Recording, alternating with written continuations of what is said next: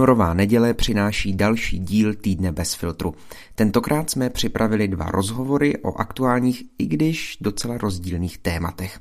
To první, jak moc bychom se měli jako křesťané zajímat o ochranu životního prostředí a co to vlastně v praxi znamená? A druhé, Olomoucká arcidiecéze má nového arcibiskupa. V příštích letech ji povede dosavadní administrátor diecéze a generální vikář Josef Nuzík. Jakou má pověst? Co ho v pozici moravského metropolity čeká? A proč se v Česku biskupové vybírají hlavně z kněží, kteří už zastávali jiné významné funkce? Začíná 54. epizoda podcastu Týden bez filtru. Ať je pro vás inspirativní, přeje Ondřej Havlíček. Legendární lyžařský závod Jízerská padesátka se letos nepojede kvůli příliš teplému počasí a nedostatku sněhu. Oteplení planety přesáhlo obávanou hranici 1,5 stupně. Světový fond na ochranu přírody vydal doporučenou skladbu jídelníčku pro obyvatele střední Evropy, který má pomoct snížit jejich ekologickou stopu. To jsou některé z titulků uplynulého týdne v médiích. Jak na takové zprávy máme reagovat? Je ochrana životního prostředí součástí naší křesťanské víry a co v tématu podnikají české církve? Po Zoomu nejen na tyto otázky odpovídala ředitelka ekologické sekce České křesťanské akademie Leona Svobodová.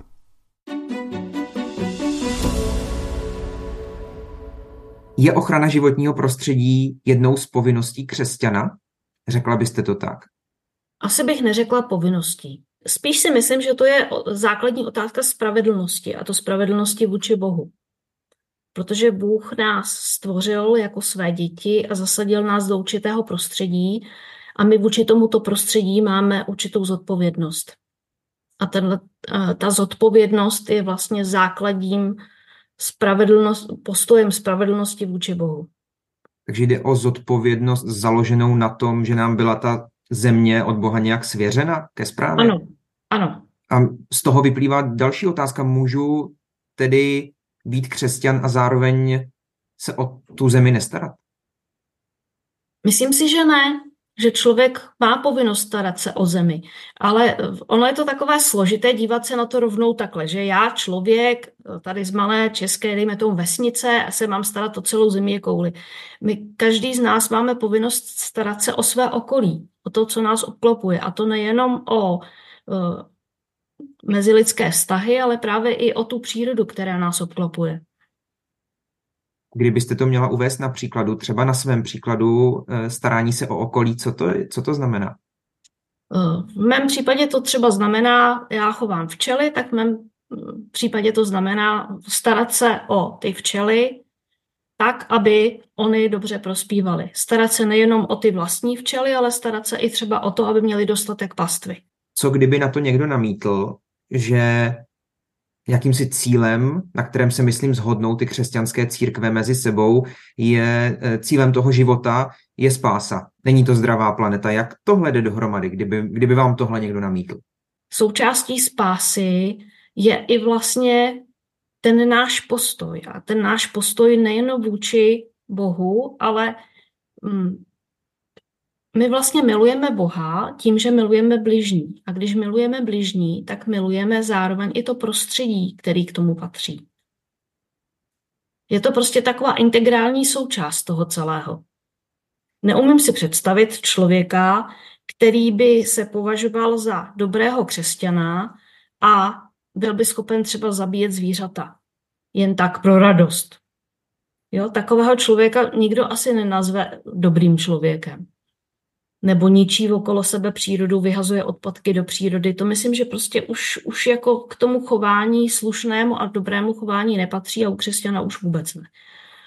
Jedna věc eh, v lidském jednání je vždycky to, co eh, třeba děláme špatně, jak ubližujeme, ale druhá věc i v křesťanství je to, co ne, neuděláme.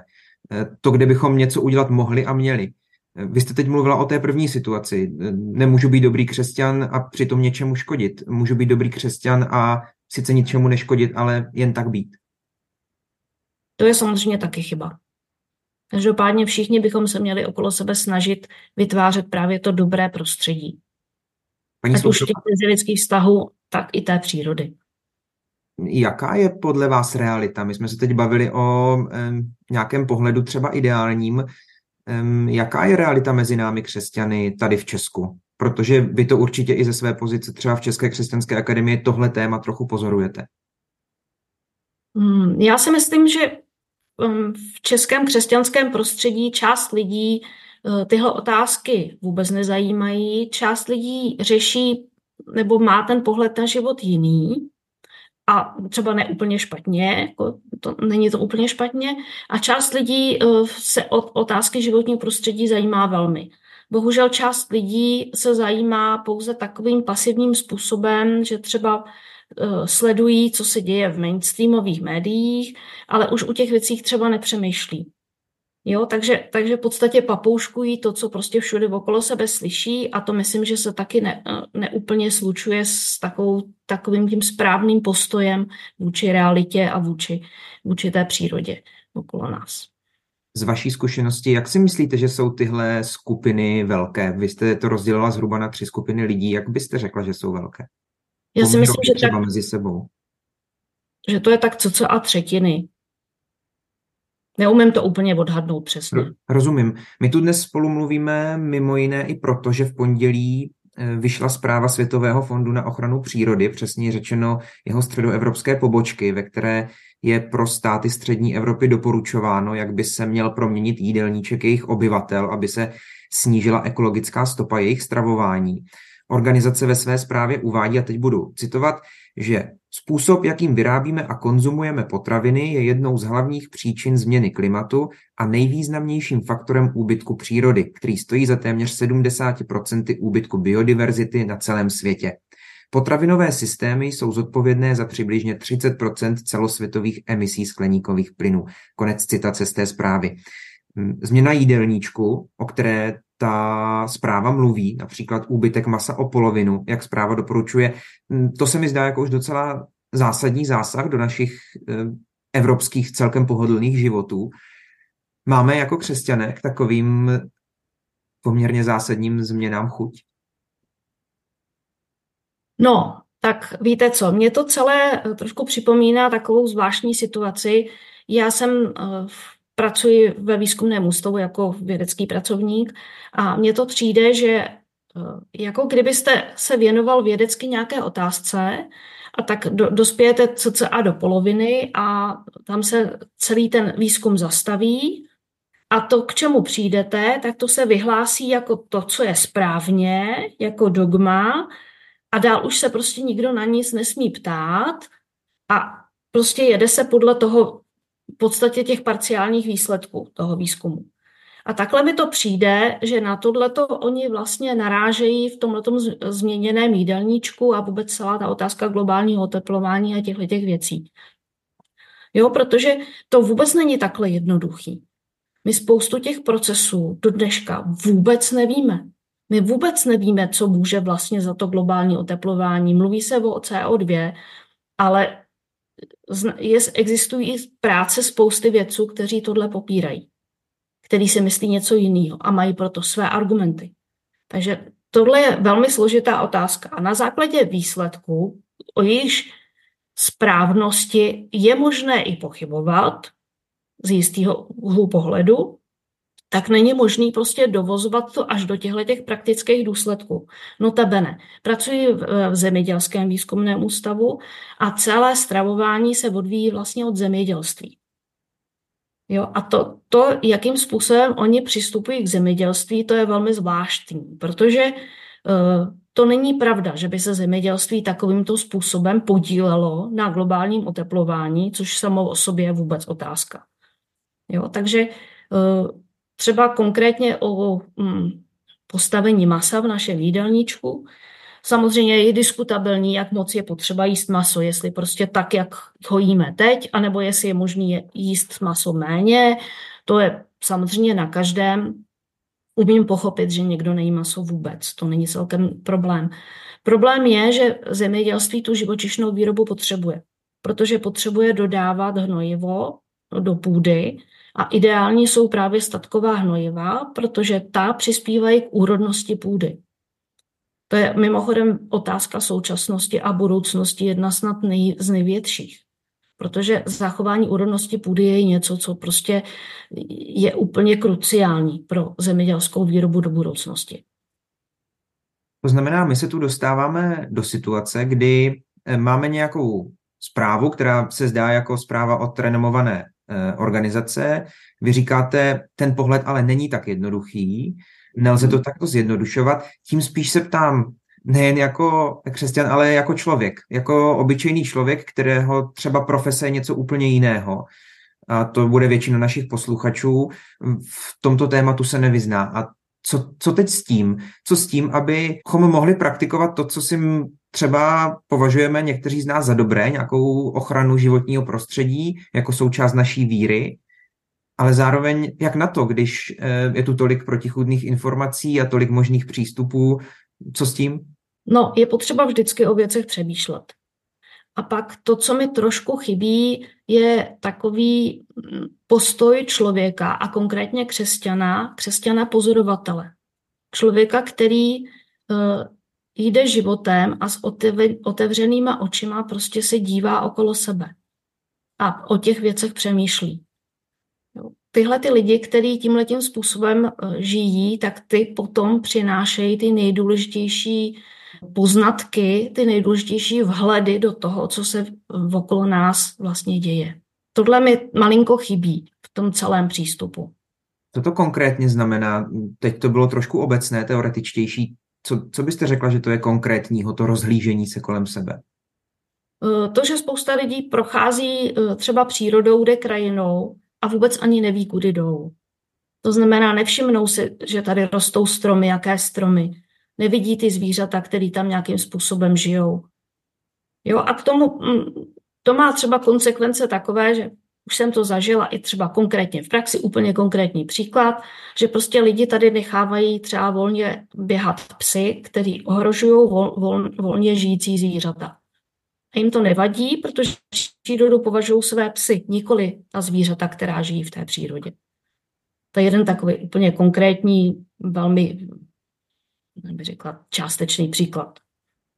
Vy se ekologii věnujete v rámci České křesťanské akademie. My už jsme taky mluvili na úvod toho našeho rozhovoru o propojení víry a ochrany životního prostředí.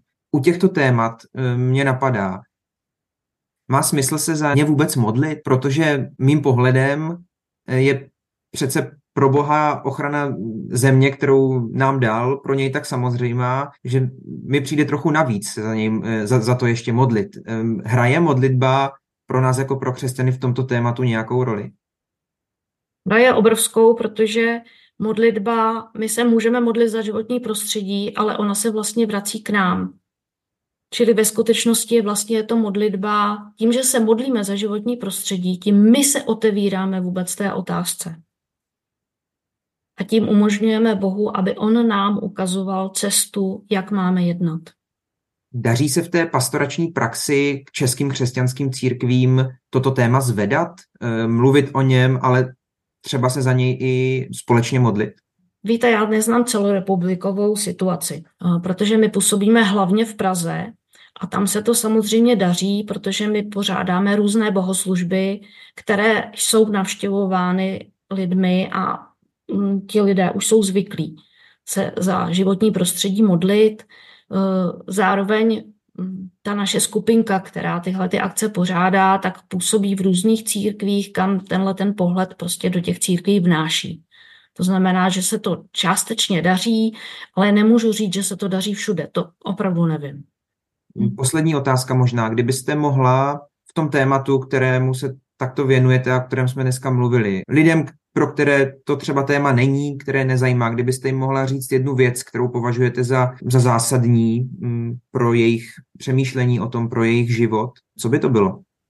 Já si myslím, že jako zásadní je, aby si lidi uvědomili, kým vlastně jsou, proč jsou na světě. A když přijdou k tomu a zvnitřní tu myšlenku, že my jsme tady, my jsme boží děti, jsme proto tady stvoření, tak na základě toho ti lidé mají šanci dospět k tomu, aby si uvědomili vztah k ostatním lidem a právě i k tomu prostředí. A to je mm, dobrý výchozí bod pro mm, hledání cesty, jakým způsobem já se mám konkrétně starat o životní prostředí okolo sebe, o přírodu. Říká Leona Svobodová, ředitelka ekologické sekce České křesťanské akademie. Díky moc za váš čas, mějte se hezky. Děkuju, nashledanou.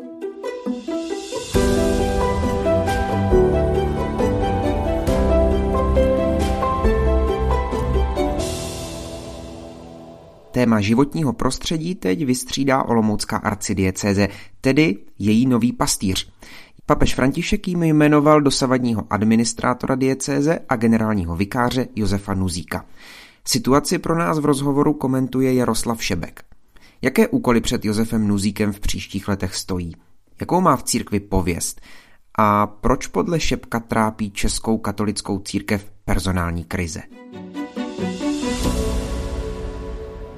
Jaroslav Šebek, historik a komentátor církevního dění, je dalším hostem v pořadu Týden bez filtru. Dobrý den. Dobrý den. Když papežský nuncius Jude Tadeus okolo oznámil, že novým olomouckým arcibiskupem papež František jmenoval Josefa Nuzíka, co jste si řekl?